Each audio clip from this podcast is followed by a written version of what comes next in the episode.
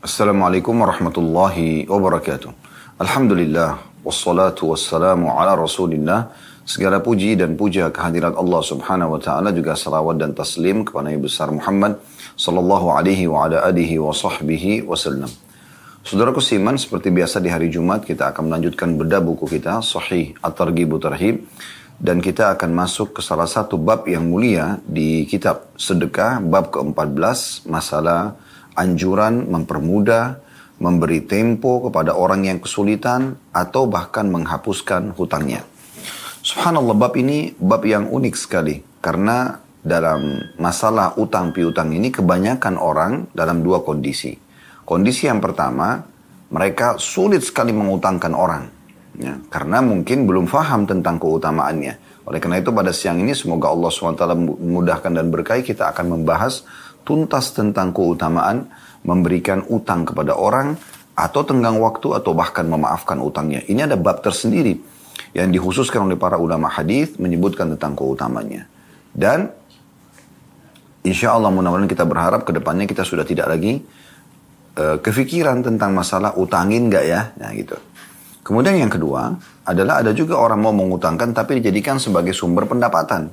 Sehingga akhirnya dia bungakan ya atau dia berikan tambahan atau dia adakan tambahan di utang itu oleh si pemilik piutang ini. Oleh karena itu jadi riba hukumnya haram ya. Karena dalam Islam kalau anda akadnya adalah bisnis misalnya mudarabah atau murabaha dengan cara meletakkan modal di satu usaha atau seseorang kemudian bagi hasil atau anda beli sebuah produk anda jual uh, beli dan jual putus langsung ya dengan keuntungan yang jelas. Maka itu murabaha, boleh saja mudharabah dan murabaha.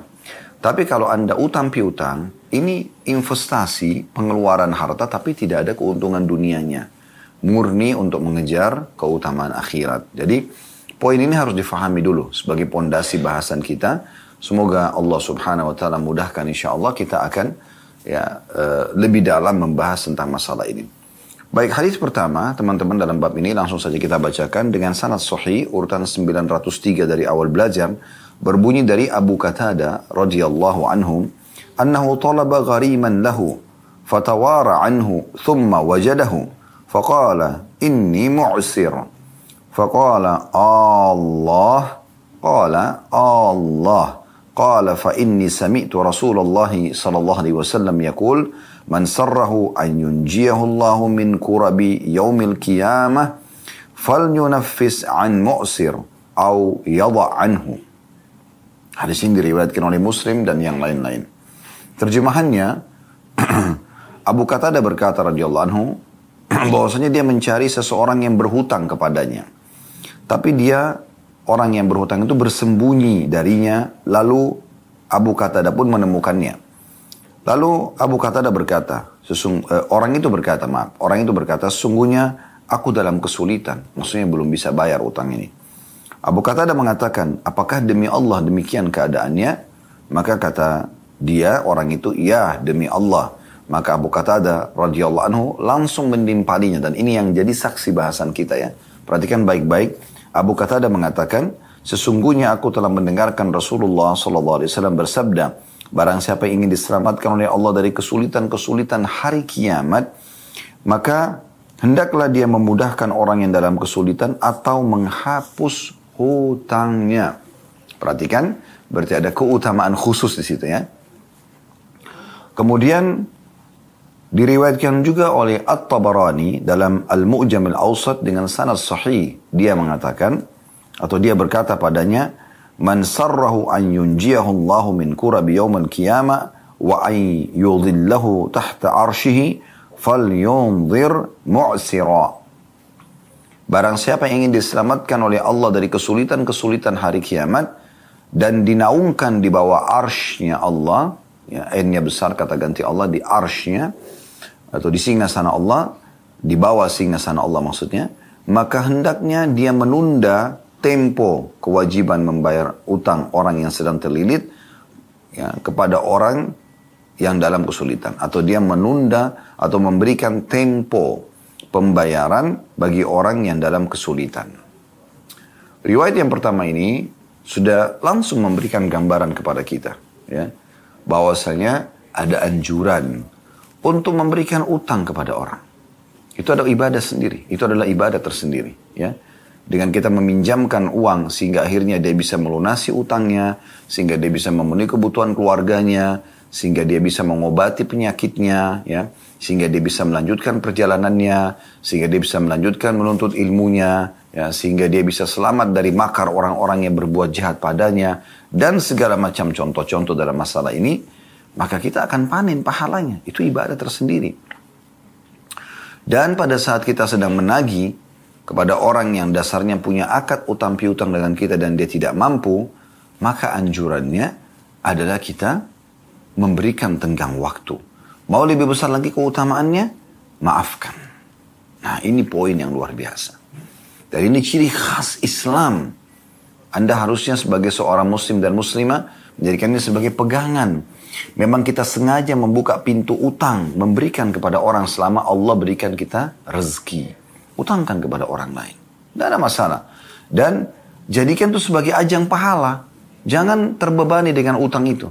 Karena selama utang itu masih ada di tangan dia, maka kita seperti bersedekah dengan utang itu setiap harinya. Nanti akan kita sampaikan hadis-hadis setelah ini tentunya tentang lanjutan keutamaannya ya. Demikian pula pada saat kita memberikan tenggang waktu, maka akan double sedekah senilai yang kita utangkan kepada orang tersebut setiap harinya. Anda maafkan, berarti selamanya akan menjadi nilai pahala bagi Anda. Itu kan luar biasa gitu. Ya. Berapa orang yang terbebani dengan, oh orang ini sudah utang sama saya 10 tahun tidak bayar-bayar. Mungkin karena dia belum paham. Selama 10 tahun itu, setiap harinya, ya, kalau diakad kesepakatan pembayaran misalnya dari awal Januari ke akhir Januari. Itu seperti bersedekah setiap hari 10 juta. Dia investasi 10 juta, dia mendapatkan pahala 300 juta. Atau kalau 31 hari berarti 310 juta. Anda mau bisnis di mana? Investasi 10 juta, setiap hari dapat 10 juta. Coba bayangkan, 100%. Tidak mungkin. Bahkan mungkin Anda tidak tidak mendapatkan sumber pahala dalam hidup Anda yang mengalahkan sumber pahala mengutangkan orang ini.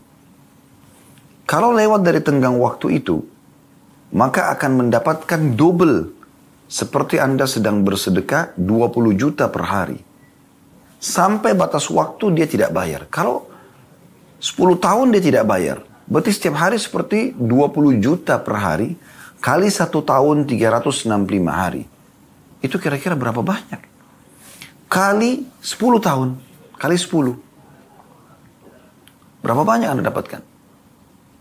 Hanya karena memberikan tenggang waktu kepada dia. Jadi nggak usah berkeluh kesah. Toh rezeki Anda berjalan walaupun utang itu tidak dibayar sama dia atau belum dibayar. Nah ini ciri khas Islam teman-teman sekalian. Bab ini bab yang luar biasa. Mungkin kalau kita jelaskan kepada non muslim mereka bisa masuk Islam kalau tahu dalam Islam ada bab seperti ini. Tidak lagi orang dalam kesulitan karena akan orang berlumba-lumba mengutangkan orang. Sa'ad bin Ubadah radhiyallahu anhu itu luar biasa. Beliau sering kali berbagi-bagi atau membagikan hartanya setiap hari. Dia sama anaknya Qais radhiyallahu anhu ajma'in itu selalu karena ayahnya mengatakan saat mengatakan kepada anaknya Qais, "Hai Qais, ini gudang harta ayah, sedekahkanlah."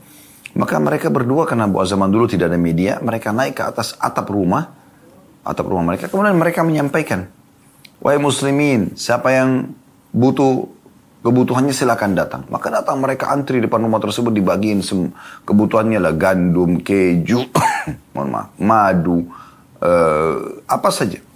Uang pun dikasih. Dan saat mengatur waktunya, ada di antara waktu-waktu itu mereka mengiklankan Bukan bantuan tapi utang, mengutangkan orang. Supaya dia juga mendapatkan pahala dari situ. Kemudian diutangkanlah uang-uang itu kepada orang. Ini unik, luar biasa ya. Ini sudah kita pernah beda di serial Sahabat ya. Tentang kisah Sa'ad bin Ubadah radhiyallahu anhu. Beliau luar biasa. Beliau akhirnya, teman-teman sekalian memberikan uh, peluang orang utang. Oke, sekian misalnya. Di situ di tidak disebutkan nilainya, tapi dia utangkan.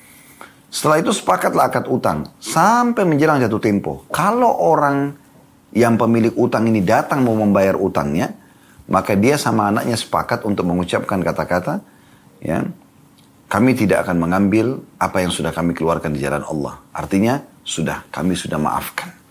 Jadi dapat pahala double tiga di sini tiga pahala. Pahala sedekah, pahala mengutangkan orang, pahala memaafkan utang itu. Coba luar biasa. Ya. Allah Subhanahu wa taala memberkahi pada jiwa setiap mukmin di amal soleh yang dia tekuni. Kalau Anda biasa rutinkan membaca Al-Quran, nanti Allah akan munculkan ide-ide di Al-Quran itu sendiri yang Anda akan panen pahalanya ekstra yang Anda belum terfikir sebelumnya. Di sholat malam begitu, di sedekah begitu, di semua ibadah. Maka ini keutamaan luar biasa. Baik, kita akan coba mengambil pelajaran. yang pertama, yang bisa kita pelajaran dari sini adalah anjuran atau bolehnya mengutangkan orang, bahkan itu punya keutamaan sendiri. Ya. Kemudian, pelajaran yang kedua adalah anjuran agar menagi utang itu. Boleh kalau kesepakatannya, ya kita tagih. Karena menagih ini juga bagian daripada perintah syariat. Mengingatkan orang itu tentang kewajiban dia. Jangan sampai dia dihukum oleh Allah gara-gara itu. Dan di situ kita bisa hubungkan langsung dengan sumber pahala yang lain. Yaitu, kalau dia mengatakan seperti dalam riwayat ini, saya dalam keadaan sulit, maka kita boleh bertanya. Ya. Eh, kita boleh mema mema memaafkannya atau memberikan tenggang waktu. Itu sumber pahala sendiri. Jadi ada keutamaan mengutangkan orang yang pertama, yang kedua anjuran untuk menagi ya utang tersebut dan memberikan kelapangan, kelonggaran bagi orang yang minta tempo kalau dalam keadaan sulit ataupun anda maafkan sekaligus supaya lebih banyak pahalanya sebagaimana sudah kami jelaskan tadi. Pelajaran yang ketiga dari hadis adalah bolehnya seseorang untuk memastikan dengan mengajak bersumpah karena Abu Qatada di sini mengatakan, Allah, demi Allah kamu memang dalam keadaan sulit. Orang itu mengatakan, Allah. Mungkin Anda berkata, bagaimana kalau dia bohong Ustaz? Itu bukan urusan kita lagi. Ya, Seorang mukmin itu selalu saja melekat dalam dirinya, dalam hatinya, dalam fikirannya tauhid. Mengisahkan dan meyakini adanya Tuhan Allah subhanahu wa ta'ala yang maha mengawasi. Allah tahu semuanya. Tidak usah khawatir. Kalau dia bohong dengan sumpahnya, dia akan dihukum oleh Allah. Tidak usah khawatir soal itu. Ya. Ini poin yang luar biasa. Nilai plus tersendiri yang Allah berikan kepada ya orang-orang muslim. Baik, kita masuk ke hadis ya. Yang diriwatkan Tabari masih nomor satu sama ya. Atau kita langsung masuk ke faedah yang keempat. bahwasanya orang atau ada anjuran untuk memudahkan kesulitan atau mengeluarkan seseorang dari kesulitannya.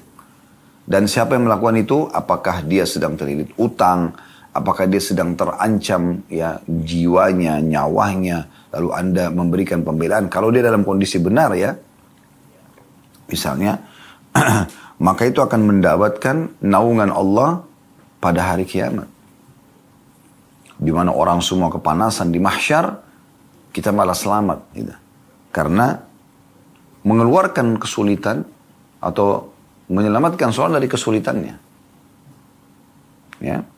Dan di sini disebutkan adalah di antara mengeluarkan atau mengeluarkan soal dari kesulitan adalah memaafkan ya, atau memberikan tempo tambahan bagi orang yang sedang berutang. Nah ini berarti keutamaan tersendiri.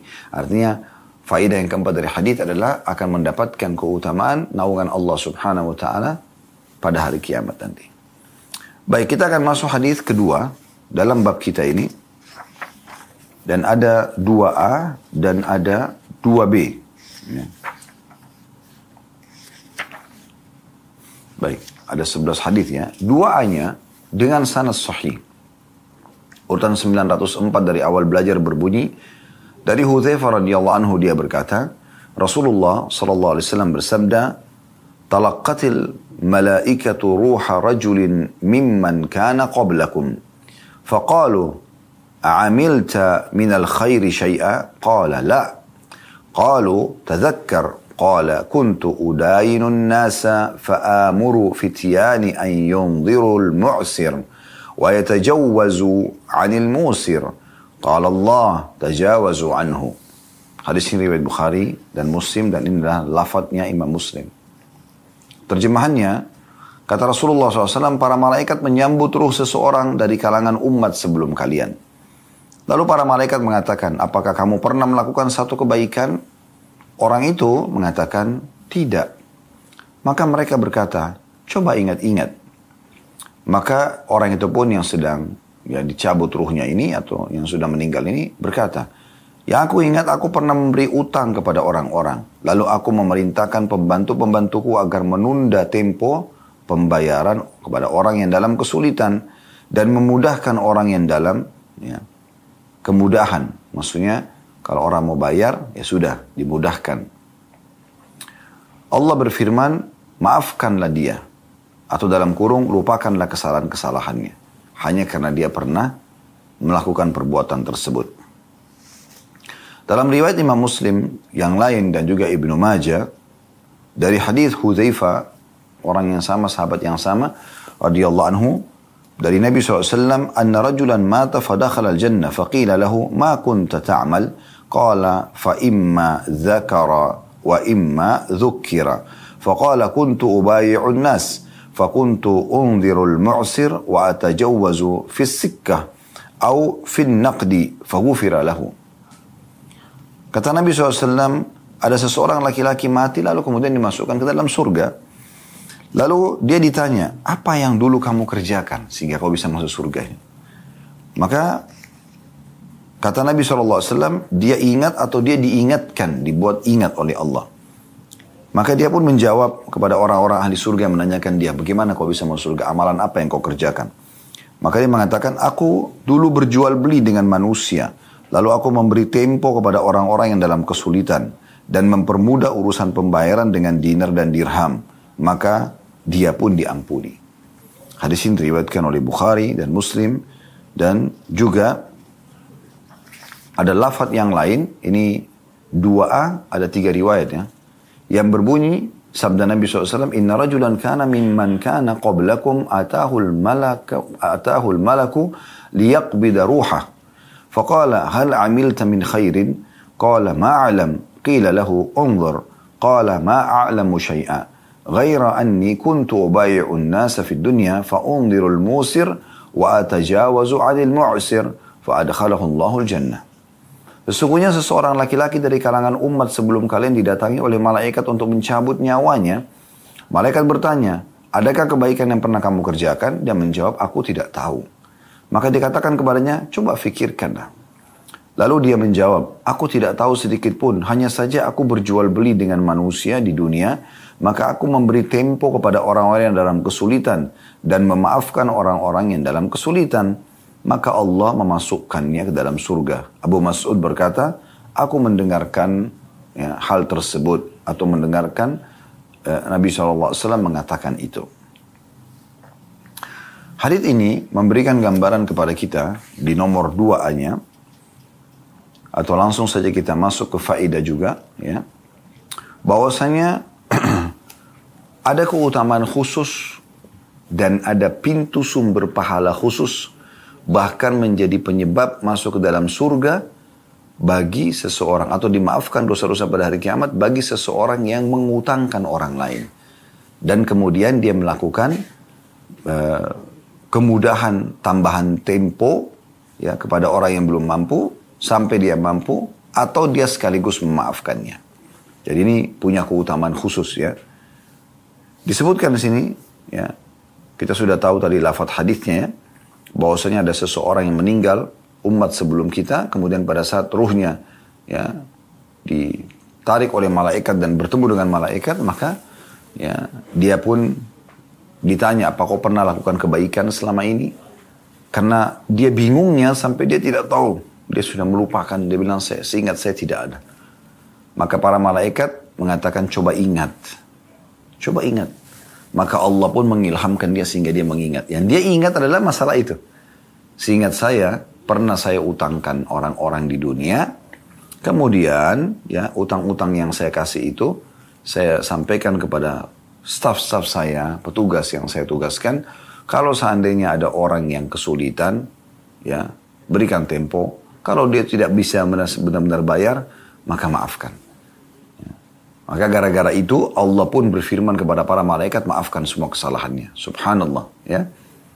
Dalam riwayat tadi yang sudah kita bacakan juga, malah dia masuk ke dalam surga dan ahli surga bertanya pada dia, amal apa yang kau buat? Kok bisa kau masuk surga? Berarti kemungkinan dia punya kedudukan khusus dalam surga nih. Karena kalau dia seperti penghuni surga umumnya mungkin orang tidak bertanya gitu kan. Atau dia berada di derajat yang rendah.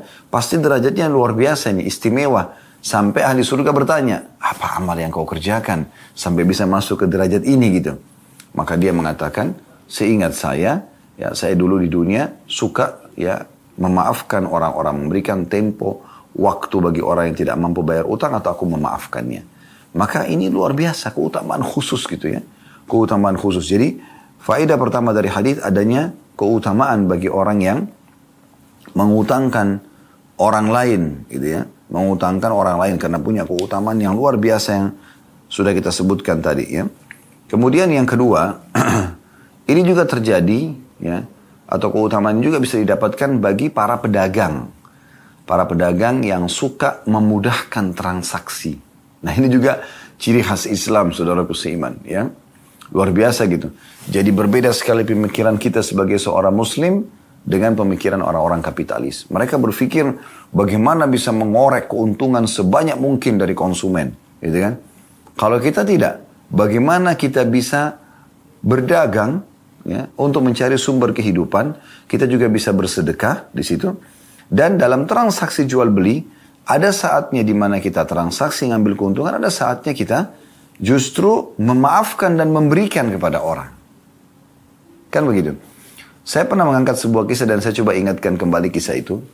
Kisah ini unik terjadi di Saudi. Ada seorang pemilik toko selimut di sehingga saya di kota Madinah terjadi ini ya. Toko selimut ini kebetulan eh, selimutnya itu 100 real ke atas harganya. Ya, artinya antara 400 ribu sampai jutaan. Kan?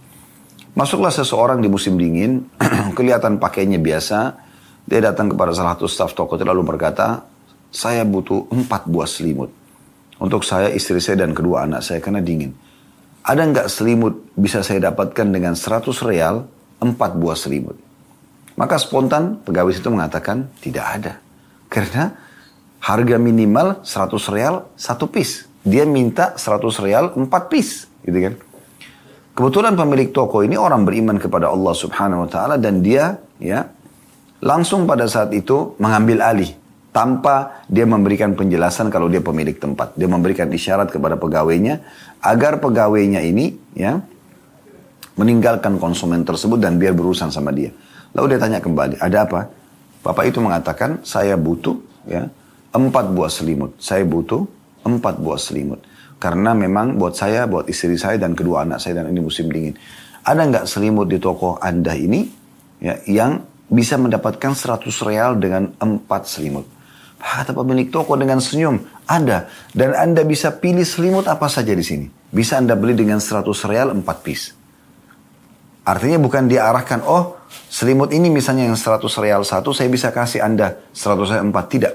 Dia tidak ingin bersedekah setengah-setengah. Dia mengatakan apa? Silakan. Di toko ini Anda bisa ambil selimut apa pun 100 real 4 piece. Maka orang itu karena dia pikir dia akan bayar gitu kan. Dia dengan percaya dirinya dia ingin ya segera uh, bertransaksi. Maka dia pun keliling mencari selimut di situ sampai dia temukan selimut yang dia inginkan. Entah berapa harganya gitu kan. Mungkin diambil yang seribu real satu, intinya diambillah sama dia empat itu di bawah ke kasir dan yang transaksi langsung pemilik toko. Semua pegawai staf diam dan menyaksikan keajaiban yang sedang terjadi ini. Maka diterimalah 100 real tersebut, diberikan empat selimut, orang itu keluar dengan membawa selimut dan dia dengan percaya dirinya kalau dia sudah membayar dan ini adalah ya dia bayar dengan nilai yang benar gitu ya. Setelah Orang itu pergi, maka pemilik toko mengumpulkan para stafnya lalu berkata, saya yakin kalian punya pertanyaan. Kata salah satu stafnya, benar. Kami masih belum bisa berpikir. Bagaimana bisa Anda tadi bertutur kata kepada pembeli tersebut, bisa Anda memilih selimut apa saja. Di toko ini semuanya Anda bisa beli dengan 100 real 4 piece. Dan orang ini akhirnya bisa memilih sesuka dia. Dan selimut yang diambil mahal-mahal tentunya. Karena minimal 100 real satu piece. Bagaimana kami memahami ini? Kalau Anda niat bersedekah, kenapa Anda tidak kasih saja? Maka pemilik toko mengatakan, baik, saya akan jawab. Orang ini sedang butuh. Orang ini sedang butuh. Dia lagi butuh selimut. Dingin. Dan dia menanyakan, bisa nggak mendapatkan 100 real 4 piece? Karena uang dia cuma 100 real. Maka tidak mungkin orang yang butuh, kita mengatakan karena uangnya tidak cukup, pergilah di sini nggak mungkin kamu dapatkan 100 riyal. Islam tidak mengajarkan itu. Islam mengajarkan bagaimana kita membantu saudara kita yang sedang kesulitan. Maka saya mengatakan bisa Anda mengambil. Kalau kenapa saya tidak berikan saja sedekah kepada dia? Jawabannya sederhana. Orang ini datang dengan kemuliaan jiwa. Dia mau membeli. Dia bukan sedang mengemis. Dia bukan minta. Kalau dia mengemis minta, saya akan kasih. Tapi dia sedang ingin transaksi. Biarkan dia keluar dari toko ini dalam kondisi mulia. Coba ambil pelajaran dari kisah ini. Bagaimana luar biasanya Islam mengajarkan setiap penganutnya untuk selalu menghubungkan antara kegiatan ekonomi dengan sosial. Tidak selamanya selalu berpikiran seperti kapitalis keuntungan dan keuntungan. Walaupun bahkan sampai menerobos hal-hal haram, ya, atau bahkan mendalimi orang lain. Atau menjatuhkan citra orang lain. Ya perusahaan lain toko lain restoran lain. Dalam Islam tidak ada seperti itu. Ya, kita malah saling dukung mendukung ya. Saling memberikan kesempatan orang untuk mendapatkan keuntungan. Dan Allah akan mendatangkan keberkahan justru dari situ. Nah ini poin yang bisa kita pelajari yang luar biasa daripada hadis ini. Keutamaan yang ketiga dari hadis adalah Allah subhanahu wa ta'ala akan memaafkan dosa-dosa ya, bagi orang yang memudahkan utang piutang dengan jatuh tempo atau memaafkan ataupun dalam transaksi jual beli ya dia memudahkan. Sebagaimana tadi hadis riwayat Imam Muslim ya dia mengatakan aku berjual beli dengan manusia lalu aku memberi tempo kepada orang yang dalam kesulitan atau mempermudah urusan pembayaran dengan dinar dan dirham maka dengan itu Allah mengampuninya. Artinya dia transaksi orang ini tidak mampu sebagaimana kami berikan kisah tadi, maka itu ya cukup untuk dia raih produknya laku, Allah datangkan keberkahan dan Allah jadikan sumber pahala buat dia. Ini juga pernah terjadi pada Abu Hanifah rahimahullah.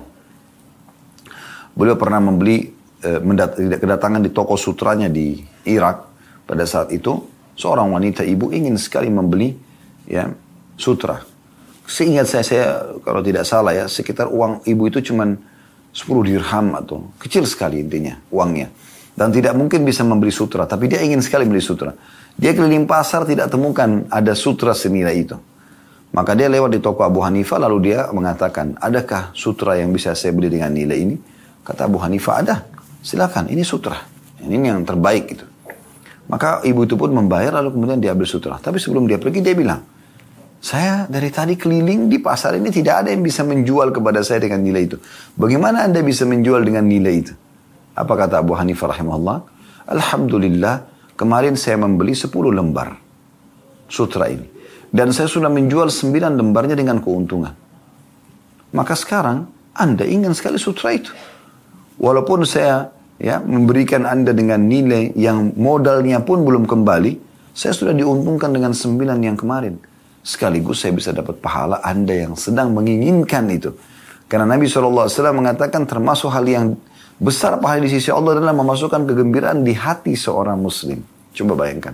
Bagaimana Islam mengajarkan jenis-jenis transaksi seperti ini. ya Yang mungkin tidak bisa ya, difikirkan oleh para orang yang kapitalis ini.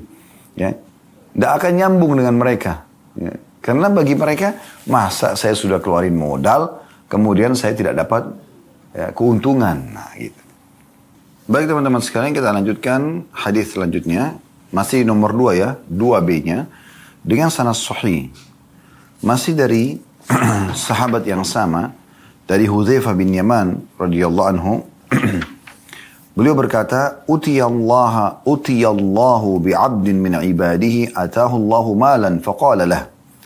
ماذا عملت في الدنيا قال ولا يكتم الله حديثا قال يا ربي آتيتني مالا فكنت أبايع الناس وكان من خلق الجواز فكنت أيسر على الموسر وأنذر المعسر فقال الله تعالى أنا أحق بذلك منك تجاوز عن عن عبدي Didatangkan, didatangkan ke hadapan Allah nanti seorang hambanya yang telah Allah berikan harta.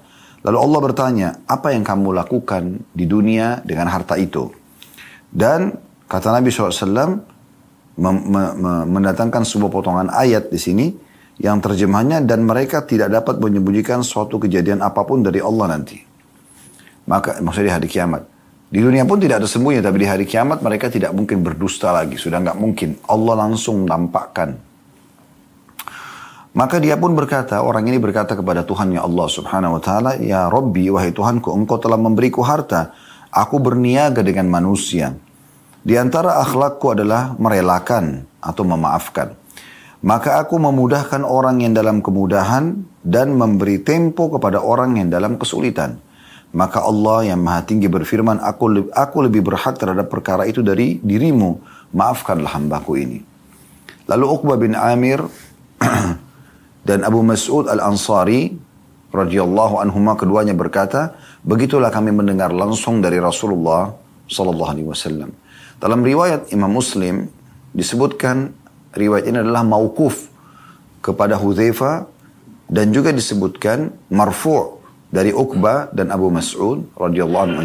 Artinya ada yang hanya sampai sahabat yaitu Hudzaifah radhiyallahu anhu dan ada yang sampai kepada Nabi SAW dari dua sahabat Uqbah dan juga Abu Mas'ud radhiyallahu anhu.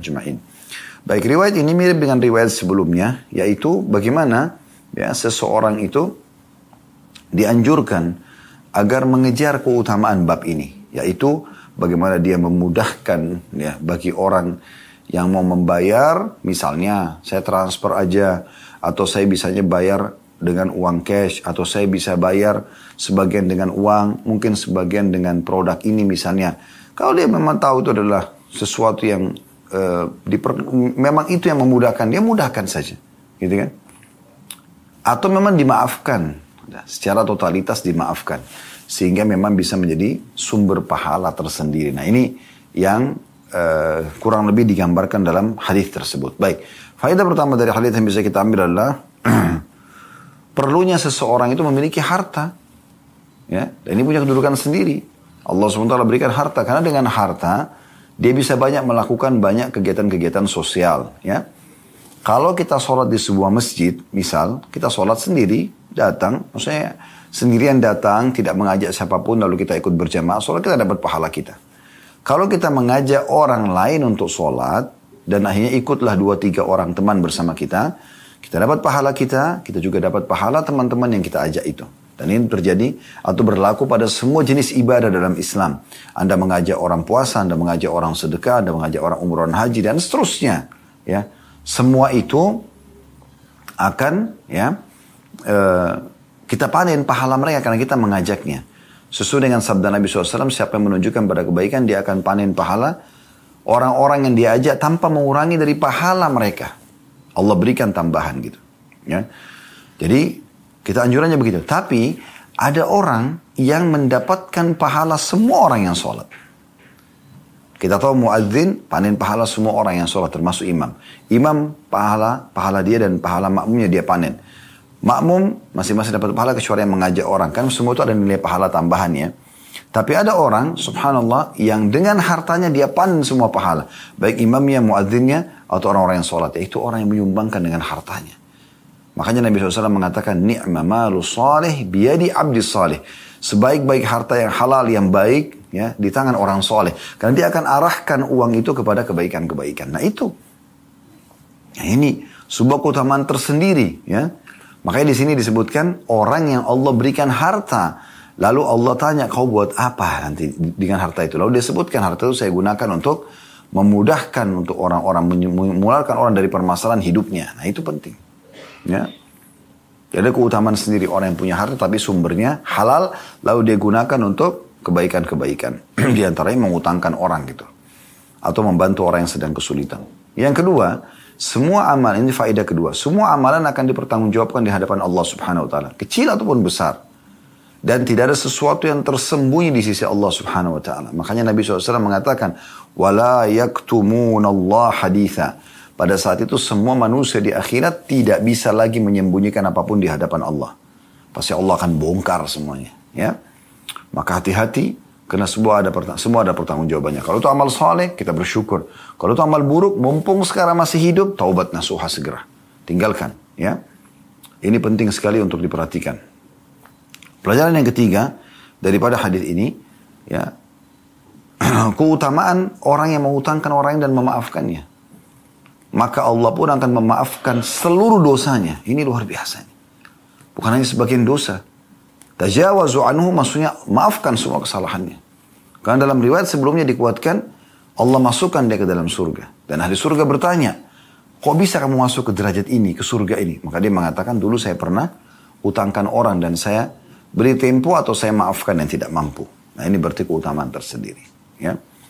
Baik, hadis selanjutnya hadis nomor tiga mirip-mirip maknanya dengan sanad sahih urutan 905 dari awal belajar bermula dari Abu Hurairah radhiyallahu anhu bahwa Rasulullah SAW bersabda, "Karena rajulun yudayinun nas wa kana yaqul li fatahu idza ataita mu'siran fatajawaz anhu la'alla Allah azza wa jalla tajawazu anna falaqi Allah fatajawaz anhu."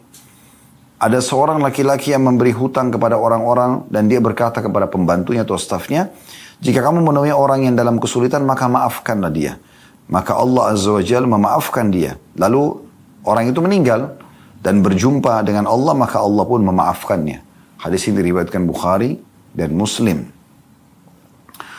Juga An-Nasai meriwayatkan hanya saja lafadznya An-Nasai adalah bahwa Rasulullah SAW bersabda, Inna rajulan lam ya'malu khairan qad wa kana yudayinun nas fayaqulu li khul ma tayassar watruk ma asur wa لعل الله يتجاوز عنا. فلما هلك قال الله له هل عملت خيرا قد قال لا إلا أنه كان لي غلام وكنت أدين الناس. فإذا بعثته ليتقاضى قلت له خذ ما تيسر واترك ما عسر. وتجاوز. لعل الله لعل الله تعالى يتجاوز عنا. قال الله قد تجاوزت عنك. Sesungguhnya ada seorang laki-laki yang tidak pernah melakukan kebaikan sedikit pun.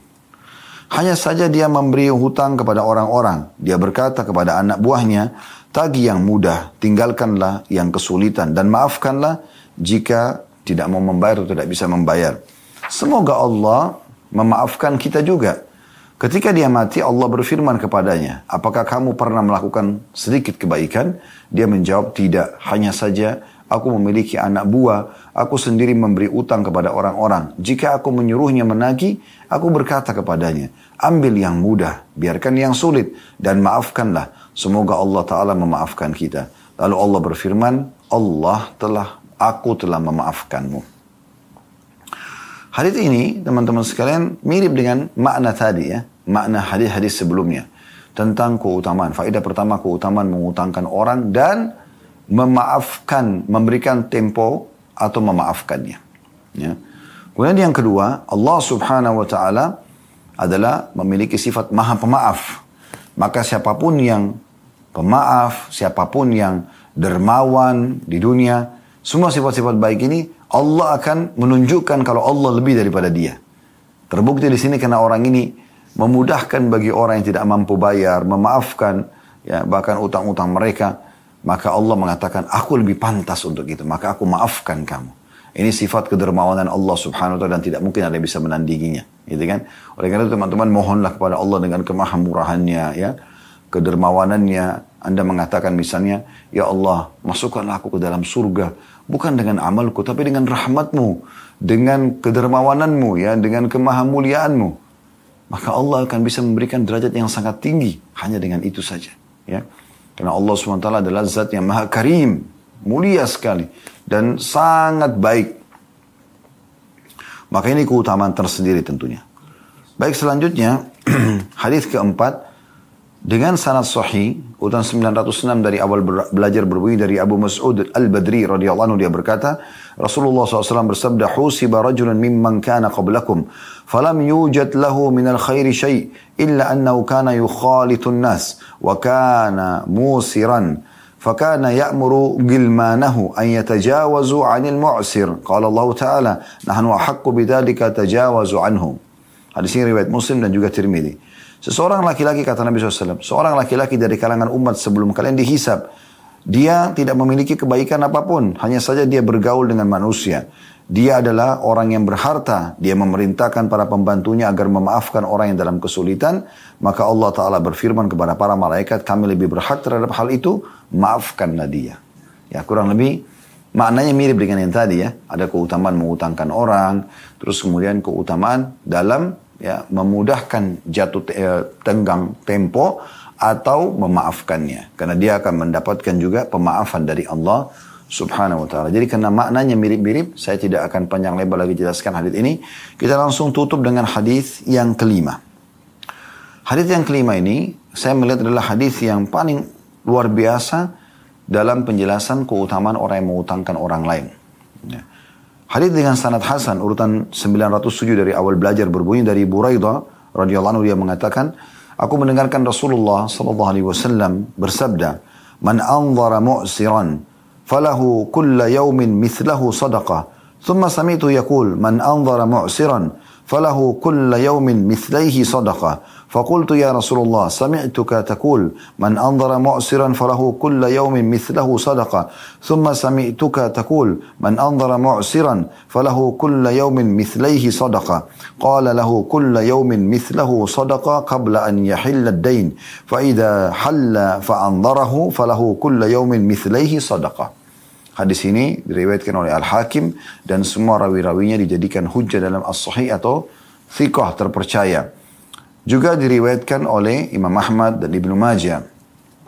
Terjemahannya, kata Nabi SAW, barang siapa memberi tempo pembayaran utang, ya, pas dia tempo tapi belum sempat, atau orang yang punya utang belum bisa bayar, dia berikan tempo. Barang siapa memberikan tempo pembayaran utang kepada orang yang dalam kesulitan, maka dia mendapatkan nilai sedekah senilai hutang tersebut. Jadi sudah saya berikan gambaran di awal pembukaan kita ya. Dan ini dalilnya. Kalau Anda utangkan orang 10 juta, maka mulai hari itu Anda seperti bersedekah 10 juta. Sebulan misalnya Anda utangkan dia, maka Anda mendapatkan seperti setiap hari ya 10 juta sedekah. Dan ini mungkin sulit Anda lakukan. Bagaimana dengan orang yang utangkan 100 juta, 1 miliar, 10 miliar, berapa banyak pahalanya. Dia seperti sedekah sebesar itu setiap harinya sampai jatuh tempo. Ya, saya ulangi kata Nabi SAW, barang siapa memberi tempo pembayaran utang kepada orang yang dalam kesulitan, maka dia mendapatkan nilai senilai utang tersebut. Satu kali lipat setiap harinya. Kemudian, ya, kata Abu Hurairah anu aku mendengarkan Rasulullah SAW juga bersabda, barang siapa memberi tempo pembayaran utang kepada orang yang dalam kesulitan, maka dia mendapatkan nilai sedekah dua kali lipat setiap harinya. Maka aku berkata, wahai Rasulullah, Aku mendengar Anda bersabda, barang siapa memberi tempo kepada orang yang dalam kesulitan, maka dia mendapatkan nilai sedekah senilai utang tersebut satu kali lipat. 10 juta, berarti setiap hari Anda sedekah 10 juta sampai jatuh tempo gitu kan. Kemudian aku juga mendengarkan Anda berkata, barang siapa yang memberikan tempo kepada orang dalam kesulitan, maka dia mendapatkan nilai dua kali lipat sedekah. Seperti nilai uang yang dia utangkan. Maka Rasulullah SAW bersabda, dia mendapatkan nilai sedekah senilai utang tersebut setiap hari sebelum hutang itu jatuh tempo.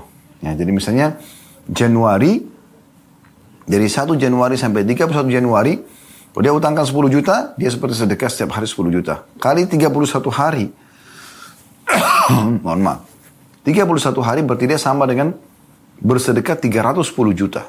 Modalnya cuma 10 juta. Pahalanya 310 juta. Ini luar biasa, gitu kan? Kata Nabi SAW, dia mendapatkan nilai sedekah senilai utang tersebut setiap hari sebelum hutang itu jatuh tempo.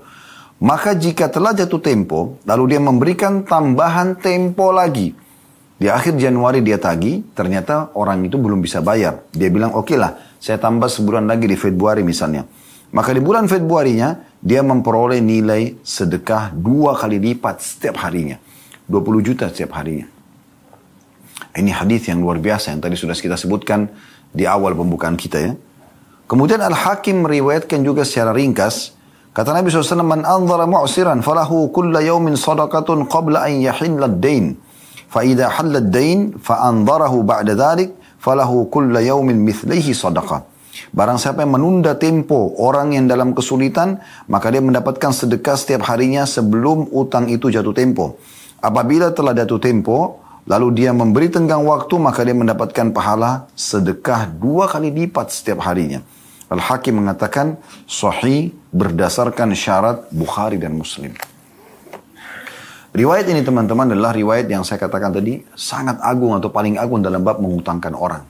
Dan ini ciri khas muslim sekali lagi dan muslimah.